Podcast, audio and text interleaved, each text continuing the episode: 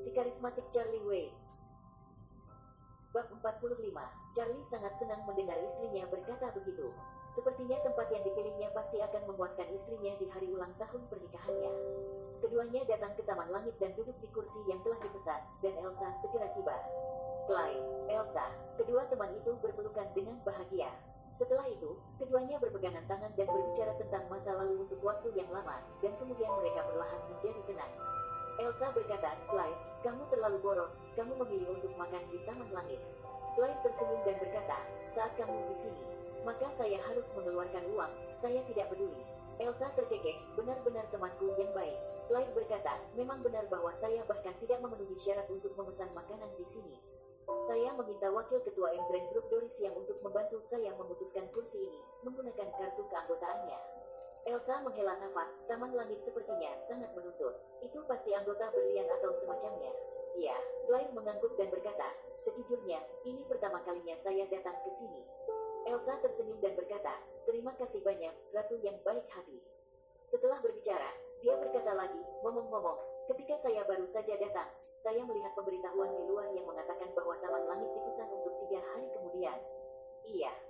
berkata, aneh bahwa Hanging Garden tidak pernah menerima kamar sewaan sebelumnya, dan saya tidak tahu apa yang terjadi kali ini.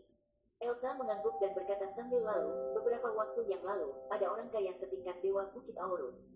Dia membeli kalung dan membawa puluhan Rolls Royce, puluhan pria berbaju hitam, dan uang tunai lebih dari 10 juta. Apakah Anda menonton video itu?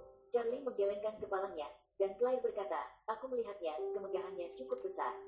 Elsa berkata, semua orang menebak siapa dia. Claire berkata, apa yang harus ditebak? Elsa tersenyum dan berkata, gosip. Semua orang ingin tahu siapa yang begitu mendominasi. Beberapa orang mengatakan itu harus menjadi ketua baru Embrace Group. Ekspresi Charlie di samping terkejut sesaat, tapi itu segera kembali normal. Elsa melanjutkan dengan berkata, Taman Gantung Sangri lagi tutup lagi hari ini. Saya merasa bahwa paket Taman Gantung adalah orang yang sama yang membeli batu giok di video. Claire menghela nafas tanpa daya, sudah lama sekali aku tidak melihatmu, kamu masih sangat bergosip. Elsa tersenyum dan berkata, gosip adalah kekuatan pendorong bagi wanita untuk bertahan hidup. Setelah itu, Elsa berkata lagi, saya akan datang ke sini dalam tiga hari untuk melihat-lihat siapa di dunia ini yang memiliki wajah yang begitu bagus dan dapat memesan taman langit.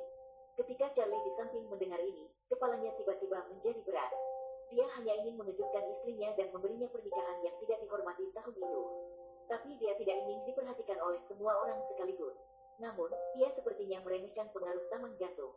Diperkirakan banyak orang di Aurus Hill sekarang memiliki ide yang sama dengan Elsa. Mereka semua ingin melihat siapa yang telah memesan Taman Langit.